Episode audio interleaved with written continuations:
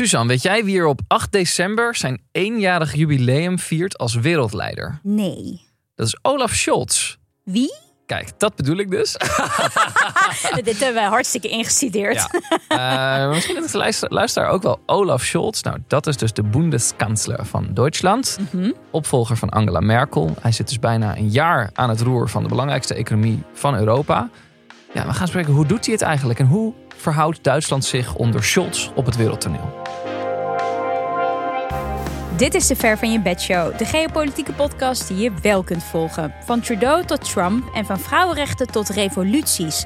Wij, Suzanne Hugel en Jos de Groot, bespreken iedere week met een topgast de ontwikkelingen in de wereld. En we praten over onderwerpen waarvan wij denken: hier moet jij meer over weten. Jos, jij bent voetbalfan. Heb je lekker naar de opening van het WK gekeken in Qatar? Echt, echt genoten, nee. uh, nee, ik heb, ik heb nog helemaal niks gezien. Um, Ga je kijken? Ja, dat, dat, uh, ik ben inderdaad echt heel groot voetbalfan. En, uh, maar er is ook heel veel wat ik haat aan het moderne voetbal. En eigenlijk alles daarvan zit in het WK. Um, van wat Qatar. haat je dan precies? Nou ja, over hoe het, hoe, het, hoe het sinds, nou wat is het inmiddels, een jaar of 10 à 20 gewoon is gekaapt door het grote geld. Mm -hmm. En dat het, de, de liefde voor het spelletje er soms echt wel heel ver te zoeken is. En dat zit hem dus zeker als je gaat voetballen ergens midden in een woestijn. Waar je fysiek eigenlijk niet kan voetballen. Want die, die stadions zitten vol met airco's. En het WK is naar de winter verplaatst. Nou, die verhalen kent iedereen. Ja. En er zijn in de proces van het bouwen natuurlijk ongelooflijk veel mensen dood gegaan. Of niet betaald of gewond geraakt. Allemaal verschrikkelijke verhalen. Um, ik denk wel dat ik ga... Nee, kijk, ik kan, ik kan een soort van heel principieel zeggen... Nou, de eerste wedstrijd van het Nederlands elftal um, ga ik niet kijken omdat hij nu wordt gespeeld terwijl, terwijl we deze podcast opnemen. Dus, uh, nee, dus die kijk ik uh, niet uit solidariteit. Nee, dat is, dat is een beetje flauw. Nee, ik ga wel kijken omdat ik ook weet van ja, ik ontkom er toch niet aan. En dan wil ik toch kijken. Um, en ik denk, kijk, Nederland heeft een hele pijnlijke geschiedenis als het gaat om het winnen van eindtoernooien. Het is namelijk nog, nog nooit gelukt op 88 ja, ja, ja. EK natuurlijk na. Dus mijn voorspelling, I, I, you heard it first in de Ver van je Bed show. Nederland gaat wereldkampioen worden en gaat het toernooi winnen. Dat niemand wil winnen. Dat niemand wil spelen. Dat niemand wil zien. Dat zal Dus we gaan voor altijd... mega awkward zijn. Ja. Van, oké, okay, gaan we dit nu echt vieren? Ja, precies. We gaan de geschiedenisboeken in met, met, een, met een wereldkampioenschap. Oeh, dit is wel echt een bed hoor. Waar we straks eigenlijk niet echt trots op kunnen zijn. Dat zou zo tekenend zijn voor het verhaal van het Nederlands voetbal. Nou, het gaat nu al veel te lang over voetbal, maar dat denk ik. Oké. Okay. Um, ja. Dan het bruggetje.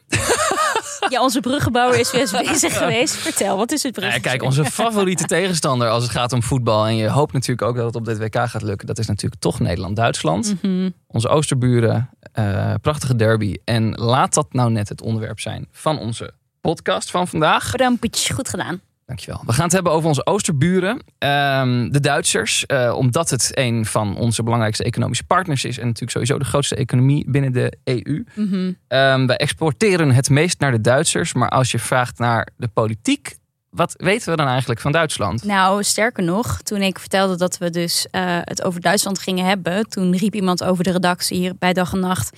Ik weet eigenlijk niet wie de bondskanselier is. toen moest ik Oh ja. heel hard lachen. Ah. Um, want Sukkel, nee. Wat ben jij dom? Nee. ja, heerlijk.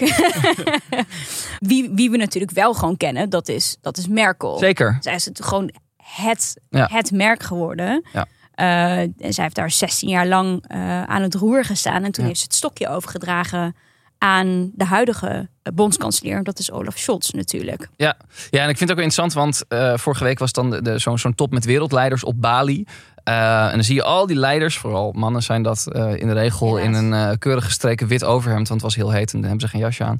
Eh, zag je van die foto's van al die wereldleiders en die shots die zie je dus eigenlijk gewoon niet. Zo van, oh, die, wie is die guy? En dat blijkt dan de bondskanselier van, eh, van Duitsland te zijn. Hij heeft ook wel een heel erg onopmerkelijk uiterlijk of zo. Ja, weet je wel, manier. Macron die heeft dan, weet je, dat is toch nog een soort van Ja. de, de, de koning, weet je wel. En, en heel eerlijk, zelfs Rutte vind ik altijd heel goed eruit zien op die Mhm. wereldleidersfoto's. En die shots, die liep daar dus blijkbaar ook Een soort tussen. muis, ja. Ja, op 8, eh, 8 december, eh, dat is bijna, is hij een jaar bezig. ja. Ehm, en dat was nogal een jaar. Ja, want hij kreeg het eigenlijk meteen moeilijk. Want eh, in februari begon natuurlijk die oorlog Ja. tussen Rusland en Oekraïne. En vrij snel werd al duidelijk dat eh, Duitsland, en eigenlijk wij allemaal in Europa, dat we ongelooflijk afhankelijk zijn van dat Russische gas.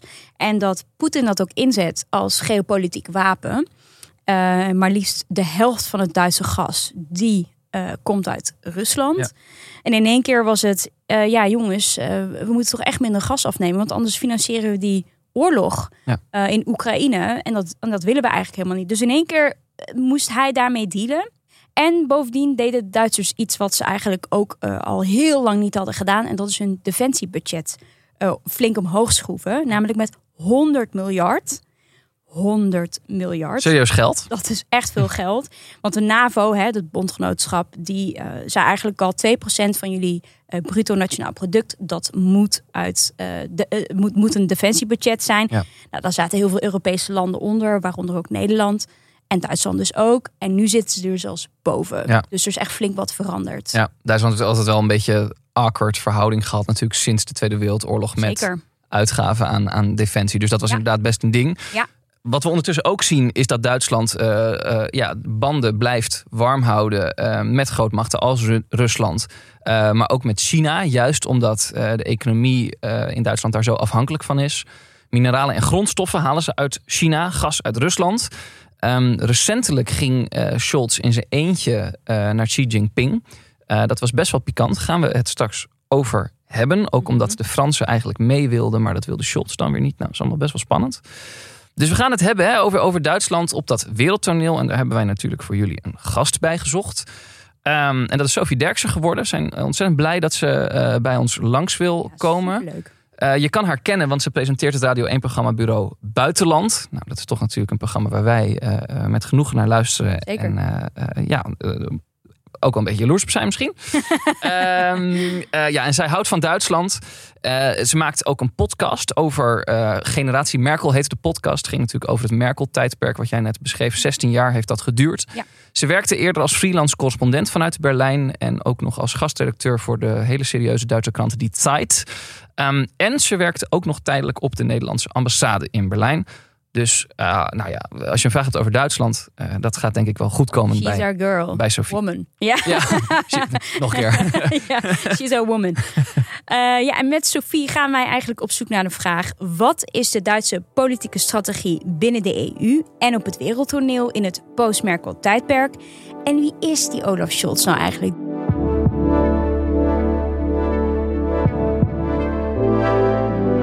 Sophie, welkom. Ja, dank. Fijn dat je er bent. Uh, normaal gesproken horen we jou natuurlijk op de radio bij Bureau Buitenland. Uh, nu zit je tegenover ons.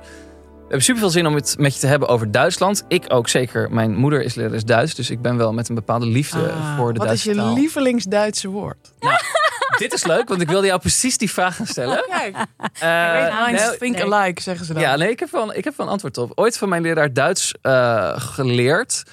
Um, het woord, het Duitse woord voor rivierscheepvaart. Dat is ja. vloesschifvaart. En dan heb je dus vloes met dubbel S. En dan schifvaart begint met een S. En dan heb je drie S'en achter elkaar. En bij schifvaart heb je drie F'en achter elkaar. Nou ja, als soort taalnerd vind ik dat heel leuk. En volgens mij komt dat zelden voor.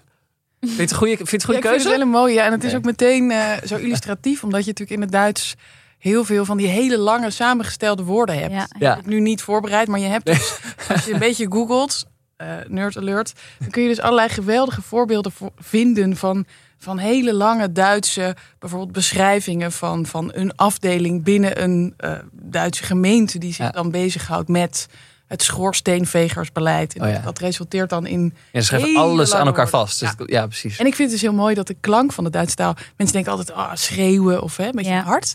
Maar het is eigenlijk best wel zacht. Ja. Uh, dus hè, je hebt het woord natuurlijk als wichtjen of leise. Ja, je gaat er altijd meteen al een klein beetje van zingen. Ik heb ook het idee dat je, ja, je gebruikt net weer andere spieren. Ik word er zelf ook altijd een tandje, een tandje zachter van in het Duits. Ik snap het inderdaad ook nooit. Duits wordt altijd geassocieerd met inderdaad hard. En je hebt dan van die, van die memes dat ze in Nederland heb je gevlinder en papillon in het Frans. En dan in Duits het schmetterling. Maar ja, als je het boos gaat uitspreken, dan ja. wordt het inderdaad Maar dat soort mensen doen. Dan gaan ze heel boos ja. uitspreken. Dan denk ik, ja, dan klinkt iedere taal best wel agressief. En uh, ja. Dan, dan, vliegt zelfs de vlinder niet meer. Nee, nee precies. Als schmetterling is ook gewoon heel Maar mooi leuk. Jos, dat jij ook een, een Duitsland adept, althans een Duits adept Zeker, nee, dat, dat, dat ben ik. Um, uh, Sophie, zou je eens kunnen vertellen, um, hoe ben jij ooit in Duitsland beland? Want dat is een heel leuk verhaal. Nou, dat moet je vooral zo aankondigen. Dan liggen de verwachtingen zijn. Ik heb dus wel een verhaal wat ik wel vaker verteld heb. Dus, dus misschien uh, mensen die het al kennen, zep even door. uh, maar ik ben ooit op mijn achttiende als kamermeisje terechtgekomen in een Duits kasteelhotel in Beieren, in het zuiden van Duitsland. Dat was eigenlijk omdat ik uh, heel graag gewoon koffie wilde gaan zetten in een hip Berlijns café. Om dus heel veel Duits te spreken. Want ik hield heel veel van talen. En ik vond Berlijn als stad heel erg spannend. Het was 2002 toen ik eindexamen deed. Oma verteld. Uh, en toen dacht ik, daar wil ik eigenlijk naartoe. Maar ik kreeg dat gewoon niet helemaal voor elkaar. toen wist mijn moeder, had ooit gehoord over dit, dit Duitse kasteelhotel. Waar je dus als jonge werkstudent terecht kon. Ook om de taal te leren. En dus intussen heel hard te werken in dat uh, Duitse kasteelhotel. Dus ik heb heel veel bedden opgemaakt. Heel strak met van die Duitse lakens. Ja. Uh, waar ze er ook heel erg goed, goed in zijn. Um, dus dat, dat was een, een plek waar ik terecht kwam in 2002. En dat was een bijzonder moment eigenlijk achteraf in de geschiedenis. Omdat het ook het jaar is dat uh, Merkel op dat moment was ze net... Angela Merkel was, was net aan de macht. Hij was een beetje bezig met haar Aufstieg zur Macht, zoals de mhm. Duitsers zeggen. Uh, dus die verscheen te pas en onpas op, op de televisie in dat Duitse kasteel waar ik werkte. Um, dus ik zag haar steeds en ik vond haar heel intrigerend, omdat ze ja, een op dat moment vrij ongebruikelijke leidersfiguur leek. Omdat ze heel bescheiden en een beetje ongemakkelijk was. Ik was 18 en misschien ook een beetje ongemakkelijk. Dus ik vond het wel fascinerend dat zij nu de belangrijkste vrouw van het land uh, uh, dreigde te gaan worden. Dat was op dat moment overigens nog niet aan de hand hoor. Ze was net fractievoorzitter geworden. Maar dat op zich was al groot nieuws, dat het er gelukt was. Um, dus antwoord op jouw vraag. Ik, hm. ik ben denk ik toen al, uh, ja, was ik dus door de taal geboeid, door de geschiedenis van Duitsland. Um, en, en door een speling van het lot kwam ik in dat kasteel terecht, waar ik door een speling van het lot vooral heel veel televisie keek naast het werken en dus Merkel uh, uh, ja, echt heb zien, zien opkomen. Ja, en we, we, we gaan het hebben over de, de Duitse politiek. En wat wij dan, we hadden het ook eh, van tevoren over, wat wij dan interessant vinden is, weet je wel, we, we hebben laatst ook een aflevering over Amerika gemaakt. En daar weet dan iedereen wel wat van. Ja, het zijn de midterms en uh, ja, dit, dat is een swing state. Uh, maar ga je het hebben over politiek in Duitsland, dan, dan constateer je eigenlijk heel snel, weten we niet zo heel veel van. Nou, sterker nog, mensen zeggen saai. Ja, ja, nou ja of, of eh, iemand hier zei ook van wie is eigenlijk de bond, bondskanselier ja, van Duitsland? Niet. Oh, dat weet ik eigenlijk helemaal niet wie de bondskanselier, nee. de bondskanselier van Duitsland is. Is, is dat iets wat jij herkent? Dat mensen daar misschien uh, dat wat minder top of mind is, wat er allemaal bij onze Oosterbuur gebeurt? Ja, nee, zeker. Ik heb uh, afgelopen september, dus moet ik zeggen vorig jaar alweer, uh, een podcast gemaakt toen Merkel dus wegging als ja. Um, en toen was dat ook een beetje het vertrekpunt van, goh, weten we eigenlijk wel hoe de, de Oosterburen naar hun eigen uh, leider die nu vertrekt kijken. Um, weten we daar zelf in Nederland wel genoeg van? Geven we ons wel genoeg rekenschap van die Duitse, belangrijke Duitse uh, politieke situatie? Uh, ja, mensen vinden het saai vaak. ik, ik vind het zelf dus ja, echt heel erg boeiend en heel spannend. En dat heeft volgens mij ook te maken met inderdaad een soort onbekendheid met de personages. Merkel, ja, die kende iedereen. Olaf Scholz is dat al minder mee gelukt, de huidige bondskanselier. Maar ik heb het zelf echt zo ervaren dat het toch als een soort Netflix-serie is. Als je eenmaal de personages gaat leren kennen, dat je dan geboeid raakt door uh, ja, de verhoudingen in zo'n in zo'n land. Um, Laten ja, Nederland... anders ook meteen naar, naar eh, die. Je zegt zijn naam Olaf Scholz. Ja. Dat zeg je eigenlijk al heel mooi. En naar, naar, naar, dat, ja, naar dat uh, poppetje gaan. Want hij zit er op 8 december, zit hier natuurlijk al uh, een jaar. Hoe doet hij het tot nu toe? Wat voor persoon is het eigenlijk? Het is natuurlijk een beetje flauw om te zeggen, maar mensen krijgen natuurlijk niet voor niets een bijnaam. Olaf Scholz uh, wordt vaak de, de Scholzomaat genoemd. ja, er is toch iets mechanisch in die bijnaam. Um, interessant is dat hij heel goed ook de, de politieke stijl van Merkel bestudeerd heeft. Um, hij heeft naar haar gekeken. Hij ging in de, zijn campagne een jaar geleden ook ineens zijn handen in een ruit vouwen. Ah. Oh, hele bedachtzame spreken. Ik hoorde laatst een Duitse journalist vertellen um, dat hij dat vroeger helemaal niet zo deed. Dat hij echt veel meer een soort rouwdouwerige stijl had. Um, dus in zijn campagne zeker werkte dat eigenlijk heel goed. Dat hij Merkel best wel een beetje nabootste. Um, maar nu is dat veel lastiger, omdat hij natuurlijk ja, met zijn coalitie in een heel, uh, uiteindelijk heel, heel ongewisse tijd eigenlijk uh, uh, zichzelf en, en de onderlinge verhoudingen aan het uitvinden was. Um, in februari, vrij kort dus nadat zij in het zadel waren gehezen.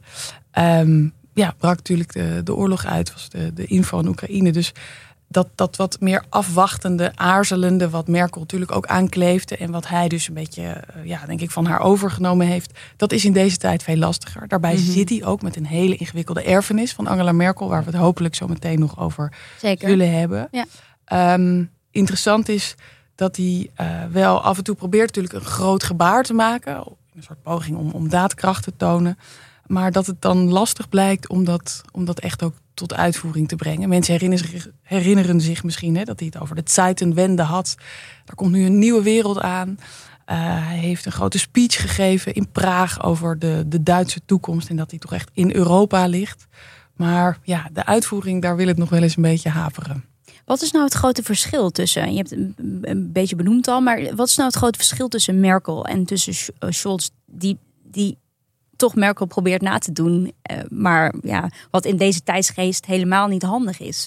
Wat interessant is, is dat. Kijk, Merkel had natuurlijk zeker op het laatst van haar eh, lange kanselierschap, hè, 16 jaar. eh, had ze natuurlijk een positie van, van. In ieder geval was dat haar toegedicht. Je kan er allerlei vragen bij stellen. Maar in, in dit deel van de wereld werd ze toch een beetje gezien als de aanvoerder van het Westen. Jullie Ja. herinneren Mhm. misschien die foto. Ehm, dan zie je Merkel zo voorovergebogen staan op een tafel. Ja. Leunen Ja. tegenover Donald Trump. Ja. ja, ja. Nou, dat beeld is de hele wereld overgegaan. Ik hoorde laatst in een, in een eh, Duitse podcast, die ik iedereen trouwens zeer aanraad. Straks bij de tips ga ik die ook zeker Kijk. noemen. Ehm, helemaal een uitleg bij hoe die foto tot stand gekomen is. Want het was namelijk bij een meeting in Canada. En er schijnen dezelfde soort foto's te zijn waar je eigenlijk Trudeau veel meer in de leidende rol ziet. Maar nou ja, dat beeld van Ja. Merkel die eh, Trump, eh, nou ja, Trump die echt als een soort klein kind Ja, terecht. beteuterd omhoog Ja, kijkt. Ja. terecht wijst. Ja. Dat, dat is zo'n soort iconisch beeld. Het interessante is dat nu recentelijk eh, van Olaf Scholz eenzelfde soort foto verspreid is naar aanleiding van de G20, die hele grote Mm. top eh, op Bali eh, vorige week. Eh, daar zie je namelijk Scholz ehm, staan eh, in een gezelschap van alle grote leiders uit het Westen. En iedereen kijkt naar Olaf Scholz alsof hij nou ja, het verlichtende woord gaat spreken. ja. Die foto is ook verspreid door het Duitse kansleramt. Dus dat is zijn eigen kantoor. Ehm, maar het is toch nog niet helemaal gelukt om die positie te claimen. Dus natuurlijk, Merkel had 16 jaar en Scholz is net begonnen. Ehm, belangrijkste verschil is in, denk ik, in ieder geval nu al vast te stellen dat Merkel er beroemd om geworden is dat zij, eh, ze aarzelde, maar uiteindelijk zou ze dan wel iedereen meekrijgen in haar visie op de dingen. Daar is veel over te zeggen. De waarheid zal ergens in het midden leg- liggen. Tegenstanders zeggen, ze deed gewoon heel, heel lang niks. En op het einde dan eigende ze zich de, de uitkomst die er lag toe, alsof zij dat altijd al bedoeld had. Eh, voorstanders zeggen nee, ze was juist heel slim met iedereen net zo lang te masseren tot ze ze daar had waar ze ze wilde hebben. Dat doet Scholz niet. Dat is eigenlijk het belangrijkste verschil. Althans, in zijn publieke presentatie is hij hoekig, is hij niet tactisch, is hij, eh, ja, toch staat hij bekend inmiddels als iemand die vooral gelijk wil hebben. Mm. Bijvoorbeeld over die G20. Er is heel veel te doen geweest over zijn reis naar China. Maar uiteindelijk zegt hij. eh, op die G20-top is het namelijk uiteindelijk gelukt om een, eh, om een overeenstemming te bereiken met alle aanwezigen. En hij zegt dan, hè, dus ook China heeft de slotverklaring eh, onderschreven dat het niet de bedoeling is dat er, eh, hè, dat er kernwapens worden ingezet in deze oorlog, dat we daar ook niet mee moeten dreigen. Dan zegt hij ja, dat dat nu, dat dat nu gelukt is, dat is ook mijn verdienste omdat ik naar Oh ja. China ben gegaan. Eh, want ik heb daar in mijn gesprekken met Xi Jinping, de Chinese leider, ook op aangestuurd. Dus ook hier zie je dat hij gewoon heel graag gelijk wil krijgen. En dat is in ieder geval zoals hij vooralsnog bekend staat. En dat, ja, ijzeren heinigen, dat maakt hem niet zo heel eh, Nee. makkelijk.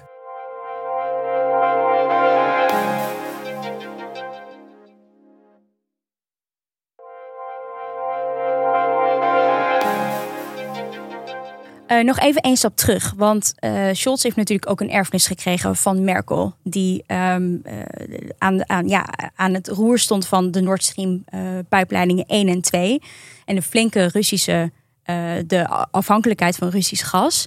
Hoe gaat Scholz daar nu eigenlijk mee om? Ja, je wou zeggen, het is niet alleen maar zijn, het is natuurlijk niet alleen maar toe te schrijven aan zijn eh, eh, Nee, persoonlijkheid. nee, precies. Nee. Ja, hij heeft nogal een erfenis gekregen namelijk. Dat is zo, zeker. Overigens is, is Nord Stream 1 hè, is natuurlijk al onder Schreuder gestart. Ja, vorige bondskanselier. Maar goed, ja, je kunt zeker zeggen... Scholz heeft een heel lastig pakket uh. Zeker toen de oorlog in, in Oekraïne uitbrak. Dat is gewoon voor Duitsland in het bijzonder confronterend geweest. Omdat ze ja, in een gesprek verzeild zijn met zichzelf over wat moet nou onze rol in Europa zijn. In relatie tot Rusland, hoe moeten we ons opstellen, tot China. Um, voor wat betreft de, de afhankelijkheid van Rusland.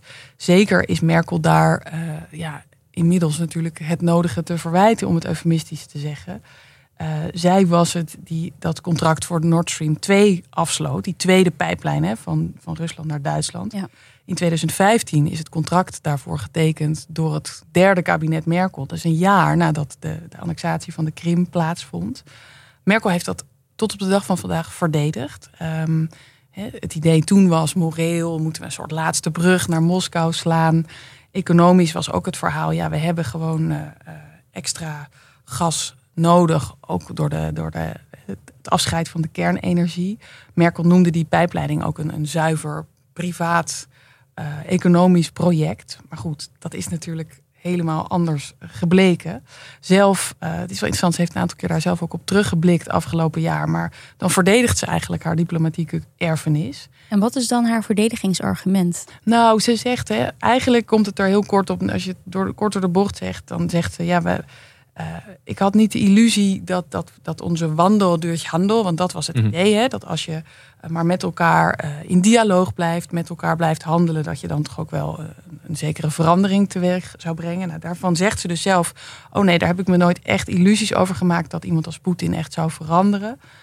Um, dus ze ontkent eigenlijk dat ze naïef geweest is. Vraag blijft natuurlijk als ze die intenties kende, waarom ze dan Duitsland uiteindelijk, en niet alleen zij, maar de Duitsers zo afhankelijk uh, uh, hebben gemaakt van, van dat, de, de import van Russisch gas. Um, ander belangrijk moment is natuurlijk, ja, het is op instigatie van Merkel geweest dat in 2008 de aanvraag voor het NAVO-lidmaatschap door Oekraïne en Georgië op de lange baan werd geschoven. En daarvan zegt ze bijvoorbeeld ook, ja, goh, um, ze, ze blijft erachter staan dat ze dat lidmaatschap toen geblokkeerd hebben. Want ze zei, ja, dat, dat zou zeker als een provocatie zijn opgelost, opgevat. Sorry. Kortom, eigenlijk is haar verweer, ja, uh, als wij niet hadden gedaan wat we deden, dan was het al veel eerder misgegaan. Mm. Daar blijft ze bij. Uh, terug nu naar Scholz. Ja, die zit dus met dat Duitsland. Dat hè, vorig jaar nog kwam meer dan de helft van alle gasimport en ruim een derde van de Duitse olieimport uit Rusland. Dus er zijn in razend tempo, is onder andere uh, minister Robert Habeck van de Economische Zaken en Klimaat, is, is de boer op om allerlei alternatieven te zoeken. Um, maar goed, dat maakt natuurlijk ook dat het voor iemand als Scholz uh, niet eenvoudig is om, om ja, met een soort groots gebaar mm -hmm. al deze problemen in één keer op te lossen. Dat is waar, maar nogmaals, in zijn politieke stijl, ja, die helpt hem in ieder geval op dit moment lijkt het niet. En in het mhm. bijzonder heeft hij natuurlijk zich de woede op de hals gehaald van de Fransen de afgelopen ja. tijd. Hebben mensen misschien wel over gelezen of gehoord. Ja, laten we daar naartoe gaan. Want, want het, zeker nu in tijd van oorlog in Europa uh, wordt natuurlijk vaak geroepen om van nou, eenheid uh, is belangrijk. Laten we als Europese landen uh, samen schouder aan schouder staan. Um, Scholz heeft daar, nou ik wil niet zeggen een, een, een deukje in aangebracht, maar, maar, maar misschien ook wel. Kun je, kun je eens vertellen wat er is gebeurd tussen die, met die relatie tussen Duitsland en Frankrijk, de belangrijkste economieën van de EU? Uiteindelijk draaide het allemaal om, om, om een reis naar China, die Scholz ging ondernemen. Um, waarvan Macron heeft gezegd: zullen we niet alsjeblieft op zijn minst samen gaan? Of zullen we hem uitstellen tot nadat de G20 geweest is? Nee, zei Scholz, ik ga naartoe en ik ga, ik ga er naartoe en ik ga alleen. Um, daar is, is een, ja, echt een diplomatieke ruzie over ontstaan. Mm. Uh, er zijn allerlei beelden van. Een hele beetje awkward situatie zie je ook wel tussen Macron en tussen Scholz. Ongebruikelijk. En normaal worden dat soort plooien natuurlijk altijd glad gestreken voor de buitenwereld. Um, op zeker moment is er, is er in Duitsland een enorme discussie ontbrand over de beslissing om de haven van Hamburg, voor in ieder geval een deel, een aandeel in een terminal te verkopen aan, uh, aan een Chinese partij, een Chinese, Chinese staatsbedrijf, Costco. Uh, daar is enorm veel tumult over ontstaan. Uh, Scholz heeft daarvan gezegd: dat wil ik doen. Zes ministeries, zes van zijn eigen ministers waren daarop tegen. Om uiteindelijk concessie een aandeel van 25% aan de Chinese eh, partij te verkopen. Maar Scholz heeft dat doorgedrukt. Um, die relatie met China is voor Scholz dus een, een, belangrijke. En ook daarover heeft hij dus met, met Macron ruzie gekregen. En je kunt eigenlijk zeggen, met die reis die Scholz heeft ondernomen naar China, koos je ervoor om ja, eigenlijk toch een beetje de escalatie te zoeken met Frankrijk. Ja. En faveuren van het, het Duitse eigenbelang. Best opmerkelijk. ja. Zeer opmerkelijk. Um, allerlei Duitse bedrijven reisden in zijn kielzog mee. Um, hij ging daar dus ook spreken met, met de Chinese leider Xi Jinping. Hij zei ook: nee, ik zal ook zeker de mensenrechten wel uh, op tafel leggen. Maar uiteindelijk, zeker doordat er zo'n grote handelsdelegatie in zijn kielzog meereisde, ging daar vooral de aandacht naar uit. Nou, Frankrijk was not amused. Inmiddels heeft Scholz dus gezegd: ja, het was een succes. Het was goed dat ik naar China toegegaan ben. Want ik heb ervoor gezorgd door mijn gesprek met Xi Jinping dat hij uiteindelijk bereid was die G20-verklaring uh, te tekenen. Dus hè, dat, dat laat misschien ook een beetje zien dat Scholz A. graag gelijk wil hebben. B. het in dit geval volgens hemzelf in ieder geval gekregen heeft. Allerlei Duitse media zijn er trouwens wat kritischer over. Ja. Hoor, hoe zinvol dat geweest Volgens Scholz was het een unaniem ongelooflijk groot succes. Eh, begrijp ik. Zeker. um, in ieder geval, wat je erin ziet eigenlijk is, is een overtuiging van Scholz. En ik kom daarna op die ruzie met Frankrijk hoor. Ja. Is, is iets wat heel tekenend is voor zijn, uh, uh, ja, zijn manier van, van naar de wereld kijken. Hij heeft wel eens gezegd, hè, het is hetzelfde op de, de dansvloer in de dorpsdisco als in de wereld. Je moet dansen met wie er meedoet. Dus je mm. moet vanuit een soort pragmatisme en een soort realistische kijk op politiek moet je ja, verhouden tot uh, ook tot spelers als China. Er is natuurlijk een ook een enorme afhankelijkheid inmiddels van, van Duitsland in China. Die is heel, ook relatief gezien, heel groot. Hè. De Duitsers hebben daar uh, een grote afzetmarkt. Het is wel eens becijferd dat een miljoen banen in Duitsland ja. samenhangt met China. Zo. Door DW, DIW, dat is echt een gezaghebbend instituut. Um, er staan natuurlijk heel veel fabrieken. Kortom, Scholz heeft ja, nu deze exercitie uh, naar China alleen afgelegd. Macron was er boos over. Macron vindt vanuit een Frans idee hè, dat er uh, natuurlijk vooral uh, uh, gezamenlijk geopereerd moet worden. Er zijn een aantal analyses voor deze Frans-Duitse ja, twist. twist. Ja. um, mensen zeggen, ja, goh, je ziet hier toch ook echt wel, hè, Macron speelt dit groots ook, wel, ook wel uit misschien. Ja, komt hij er misschien een beetje uit als de leider van het Verenigde Europa. Ja, dat is ook een beetje hoe de Fransen zichzelf zien, toch? Zo van. Ja, terwijl, terwijl in, in, mijn hoofd was Merkel dat een, een, een beetje. Ja. Dus daar lijkt dan toch een soort trendbeuk of zo. Een trendbreuk, hoe bedoel je? Nou ja, dat je dat, je, dat, je, dat, dat in, in, in. Nou, je noemde net de wereldleiderfoto's. Ja, mm -hmm. ik zag Merkel toch altijd wel als dat boegbeeld. En dat, dat lijkt dan nu zo Macron in zo'n twist zich een beetje toe te eigenen. Maar ik, ik weet niet of dat wij, naartoe wilden hoor. Maar uh, uh, uh, ja, dat, dat, dat, dat, zie, dat zie ik daar een beetje in. Ja, kijk, ik denk dat je um, inmiddels, he, door, door wat Scholz er letterlijk vijf dagen geleden over gezegd heeft, begrijpen we misschien wat beter wat zijn agenda ja. was. Waarom hij daar naartoe wilde. Waarom dat in zijn optiek een goed idee was. Waarom hij daarbij uh, Macron niet heeft willen, meenemen. Ja, dat, dat zullen we hem toch echt zelf moeten vragen. um, maar er speelt natuurlijk veel meer tussen Frankrijk en Duitsland. En inderdaad, um, Macron is natuurlijk steeds degene die eigenlijk probeert die Frans-Duitse as, zoals dat dan uh, mooi genoemd wordt, ja, een veel grotere rol te laten spelen. Ik heb een jaar geleden met Mathieu Segers geïnterviewd, hoogleraar Europese geschiedenis. Heel goed interview trouwens. interview voor de VPRO. Ja, die zegt daar wel interessante dingen over. Ook wat, wat historisch gezien die relatie tussen Frankrijk en Duitsland, hoe die is, hoe die ontstaan is. Um, daarin zegt hij eigenlijk, hè, Duitsland is altijd in die Frans-Duitse as een soort junior partner. Die, die Duitsers die realiseren zich, hoewel ze groter en welvarender zijn, dat ze hè, door de geschiedenis ook Frankrijk toch een beetje daar het voortouw in moeten geven. Um, ik parafraseer nu, luister het interview vooral, want Mathieu legt het veel beter en mooier uit dan ik. Zullen we in de show notes zetten? Um, ja. tipje in eigen zagen, zoals de Duitsers dan zeggen. Maar um, he, er, er, speelt natuurlijk veel meer. Het, het, het kan onhandigheid zijn van Scholz. De, de FAZ, de grote Duitse krant, schrijft... ja, het is een soort olifant in een Europese porseleinkast. je kunt ook wel hier en daar lezen... Frankrijk, Macron dramatiseert die meningsverschillen... om Duitsland in beweging te krijgen. Mm. Is misschien ook iets voor te zeggen. En ja, Duitsland heeft wel ook onder Scholz al aangegeven... dat ze zeggen, Europa beweegt zich meer oostwaarts. Hè. Het wordt belangrijk, zei Scholz in die toespraak... die ik eerder even noemde in Praag... Um, dat we ons rekenschap geven van het oosten van Europa. de uitbreiding naar het oosten, de uitbreiding als geopolitiek instrument. En dan zou dus het, ja, het machtscentrum wat meer naar het oosten opschuiven en wordt Frankrijk minder Mm. belangrijk. Dit zijn allemaal een beetje van die bewegingen die daaronder liggen. Geopolitiek. Heerlijk. Ehm, maar en, en ja, heel praktisch spelen er allerlei punten hè, tussen Frankrijk en Duitsland waar ze het nu op dit moment over eens moeten worden. Ja. Overigens, vandaag, hè, want we zitten nu erg op de ruzietour, maar er wordt dus enorm hard gewerkt om die Frans-Duitse as weer nou ja, lekker te smeren. Vandaag was Annalena Baerbock, de minister van Buitenlandse Zaken van Duitsland, van de Groenen in Frankrijk. Die ontmoette Macron, die ontmoette haar Franse collega. Er gaat een persverklaring rond dat ze inderdaad hard bezig zijn om in januari, geloof ik, toch een hele grote Frans-Duitse top te organiseren. Omdat dan 60 jaar geleden het Frans-Duitse vriendschapsverdrag Ah, werd eh, gelanceerd. Zal je denken, ja, jee.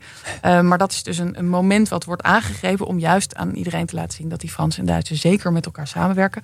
Willen jullie nog ingaan op waarover ze overal Ja, nou? Of- eh, want hè, in welk opzicht verschillen Frankrijk en Duitsland nog meer als het gaat om het vormen van een geopolitiek blok als EU bijvoorbeeld? Nou ja, ze hebben natuurlijk nu gewoon echt een beetje ruzie. Eh, dat is overigens niet alleen in Frankrijk, maar ook andere EU-landen zijn best wel boos over dat forse steunpakket. wat de Duitsers voor hun eigen burgers en hun eigen bedrijven hebben eh, afgegeven. hè. 200 miljard. En bovenop nog allerlei eerdere steunpakketten. En dan zijn ze tegelijkertijd wel weer tegen een, een Europees breed gasplafond. Een gasprijsplafond, moet ik zeggen. Eh, Duitsland is dus heel erg afhankelijk van, van gas. Dat hebben we besproken. Frankrijk heeft in zijn energiemix veel meer kernenergie. Dus ja, de Duitsers zullen zo'n plafond veel meer voelen, is eh, hun cal- calculatie. Ehm, ja, en de Duitsers, wat dat betreft, hebben natuurlijk, kun je zeggen, een beetje dubbelzinnige opstelling, net als Nederland misschien. Hè? In Duitsland zelf, de eigen markt, daar treffen ze wel eh, maatregelen. Maar in Europa willen ze liever geen ingrepen in die energiemarkt. Ehm, daarin zit wel een verschil. Hè. Duitsland heeft natuurlijk een industriepolitiek, heeft heel veel geliberaliseerd. Fransen zijn van nature toch wat meer van de staat die, eh, die eh, ingrijpt. Ehm, dat, dat is echt een punt wat, ja, wat, wat speelt. De rol van kernenergie, sowieso. Hè? Ook een heikel punt. Ehm, in Frankrijk cruciaal. Duitsland besloot dus dat ze straks in het voorjaar, in april, de laatste drie Duitse kerncentrales dicht gaan doen. Eh, hoeveel aandacht moet er nou, hoeveel kernenergie moet er nou opgewekt worden om die energietransitie in Europa voor elkaar te krijgen? Defensie zijn ze het niet over eens. F-35's, die gevechtsvliegtuigen. Ja, ja. En niet, ja, ik, jullie knikken. Ja. Eh, Ik, ik heb het wel eens gelezen. ja. Ehm, Duitsland heeft eh, vliegtuigen van Amerikaanse makelij gekocht. Was Frankrijk. niet zo leuk. Precies, die wil eh, Europese soevereiniteit. Die wil Ja. dat dat hier in, eh, in Europa geproduceerd wordt. Vandaag overigens, in het kader van goede berichten over die Frans-Duitse relatie, hebben ze verklaard dat ze dat project van dat eigen vliegtuig weer uit het slop eh, gaan, gaan trekken. Een nieuw gevechtsvliegtuig. Dus ja, dat soort thema's spelen tussen Frankrijk en Duitsland. En de komende maanden tot aan januari zal dus ja, moeten blijken of ze daar een beetje met elkaar uit gaan komen. Om dus die Frans-Duitse as vlot te trekken. Om als Europa uiteindelijk tot een meer ja, eh, autonoom opererend eh, eh, ja, continent, mag je geloof ik niet zeggen, maar in ieder geval eh, entiteit te komen. Ja. Ik vind het wel spannende tijden hoor. Want het is, het is wel weer echt een soort nieuwe, nieuwe fase of zo, heb ik het idee. In Nou ja, en ondertussen is de oorlog natuurlijk nog niet eh, voorbij. Dus, nee, eh, precies. ja. Dus, ehm, nou, we zeiden het al, hè, 8, 8 december, dan zit Scholz er een jaar. Wat kunnen we nog van hem verwachten, denk je? ja, houdt, hij dit, houdt hij dit vast, zeg maar? Die, Ja. die, die onvermurfbaarheid waar we het nu een beetje over hebben gehad. Ja, ik, kijk, ik- dat vind ik heel moeilijk om iets zinnigs over te zeggen. Maar ik denk dat hè, je ziet wel de eerste tekenen dat hij dus na deze alleingang naar China nu toch weer hè, proberen de Duitsers in ieder geval Beerbok vandaag in Parijs eh, proberen toch weer een beetje ook terug te bewegen naar de, naar de Fransen. Ehm, ik denk ook wel, dat hebben we nog helemaal niet besproken, maar dat Olaf Scholz moet je natuurlijk ook wel bezien in de coalitie waar hij deel van uitmaakt, hè, die hij leidt eh, met de Groenen en de, de Liberalen, de FDP. Voor het eerst is er in Duitsland een drie-partijen-coalitie. Ehm, onderling is daar natuurlijk ook voortdurend best wel openlijke frictie. Bijvoorbeeld over die China-reis, zei Annalena Baerbock dus. Ja, eh, hoezo gaat hij daar naartoe? Want Hmm. eh, we hebben in eh, ons coalitieakkoord toch niet voor niks gezet dat China inmiddels een systemische rivaal is. Dat is heel ongebruikelijk dat de minister van Buitenlandse Zaken dat zo hardop zegt over de eigen kanselier. Dus eh, er is natuurlijk ook in de coalitie de nodige spanning. Ook bijvoorbeeld met Robert Habeck, die minister die ik net noemde van Klimaatzaken.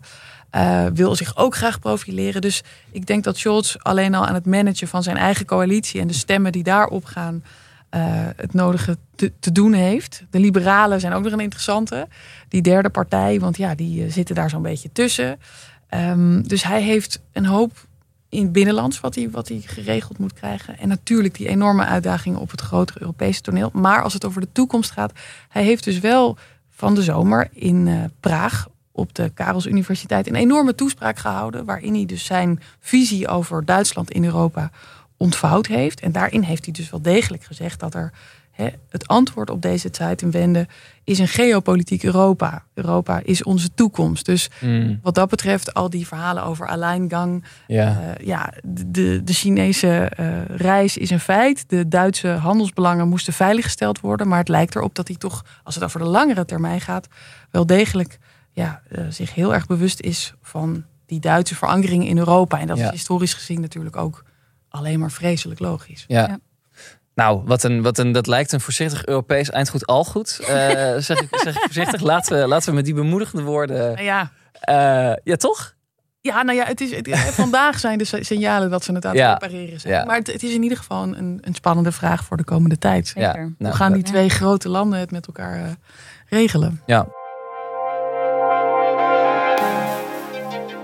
Wij vragen aan onze gasten: neem een mooie tip voor ons mee. Um, wat moeten we lezen, kijken, luisteren? Heb jij iets? Ja, ik heb iets meegenomen. Het is iets om te kijken, maar je moet er wel heen. Het is namelijk toneel. Ja, um, dat hebben we nog nooit gehad volgens nee. mij. Wat leuk. Nee, ja goed. Kleine drempel, maar nee, nou. theater moet het ook weer vol zijn. Heel goed, Zeker, heel goed. Heel goed. ik dacht, ik, uh, ik neem iets mee wat wel in allerlei opzichten een, een uh, ja, echt een een internationale productie ook wel is. In zoverre, het is namelijk uh, toneel, de jaren van het Nationale Theater, naar het boek van Annie Ernaux, de Franse Nobelprijswinnaar.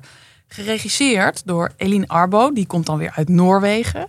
Um, naar die Europese bestseller van Ernaux. En het mooie is namelijk, in die voorstelling is, het gaat over het leven van één vrouw tegen de achtergrond van een in hoog tempo veranderende wereld. Heel persoonlijk, um, van een Franse vrouw, maar toch ook eigenlijk een soort biografie van, van het naoorlogse West-Europa. En bij uitstek dus geen ver van je bedshow. Ja. Met haar mee. Ja. Je ziet in haar leven trekken intussen uh, ja, alle grote bewegingen van, van haar, uh, de, de, de, tijd waarin zij leefde voorbij. Waanzinnig mooi gemaakt, gespeeld, prachtige beelden. Um, all female cast die Kijk, heel erg mooi is. Hij is nog te zien een aantal keer tot aan december. En als je er dan niet meer in komt, kan je altijd het boek nog lezen. De jaren van Annie Ernaux. Nou, oh ja, allebei. en ik had beloofd. Ja, ja die podcast. Tot, precies, ja. de podcast. Want dat oh, is, ja. ik volg Duitsland inmiddels uh, wat meer op afstand. Um, en dan, dan ben ik heel erg blij met allerlei geweldige Duitse podcasts die je kan luisteren. Die zijn dus wel in het Duits, Jos. Maar hopelijk I love it. Uh, zijn er mensen die die uh, drempel willen slechten. Machtwechsel is waanzinnig goed van Robin Alexander en Dagmar Rosenfeld, twee Duitse journalisten. Um, Robin Alexander heeft Merkel ook zijn hele werkende leven lang begeleid. Dus heeft altijd geweldige anekdotes. Dus bijvoorbeeld dat verhaal over die foto van Trump en Merkel. Ja. Dat vertelt hij dan heel gloedvol.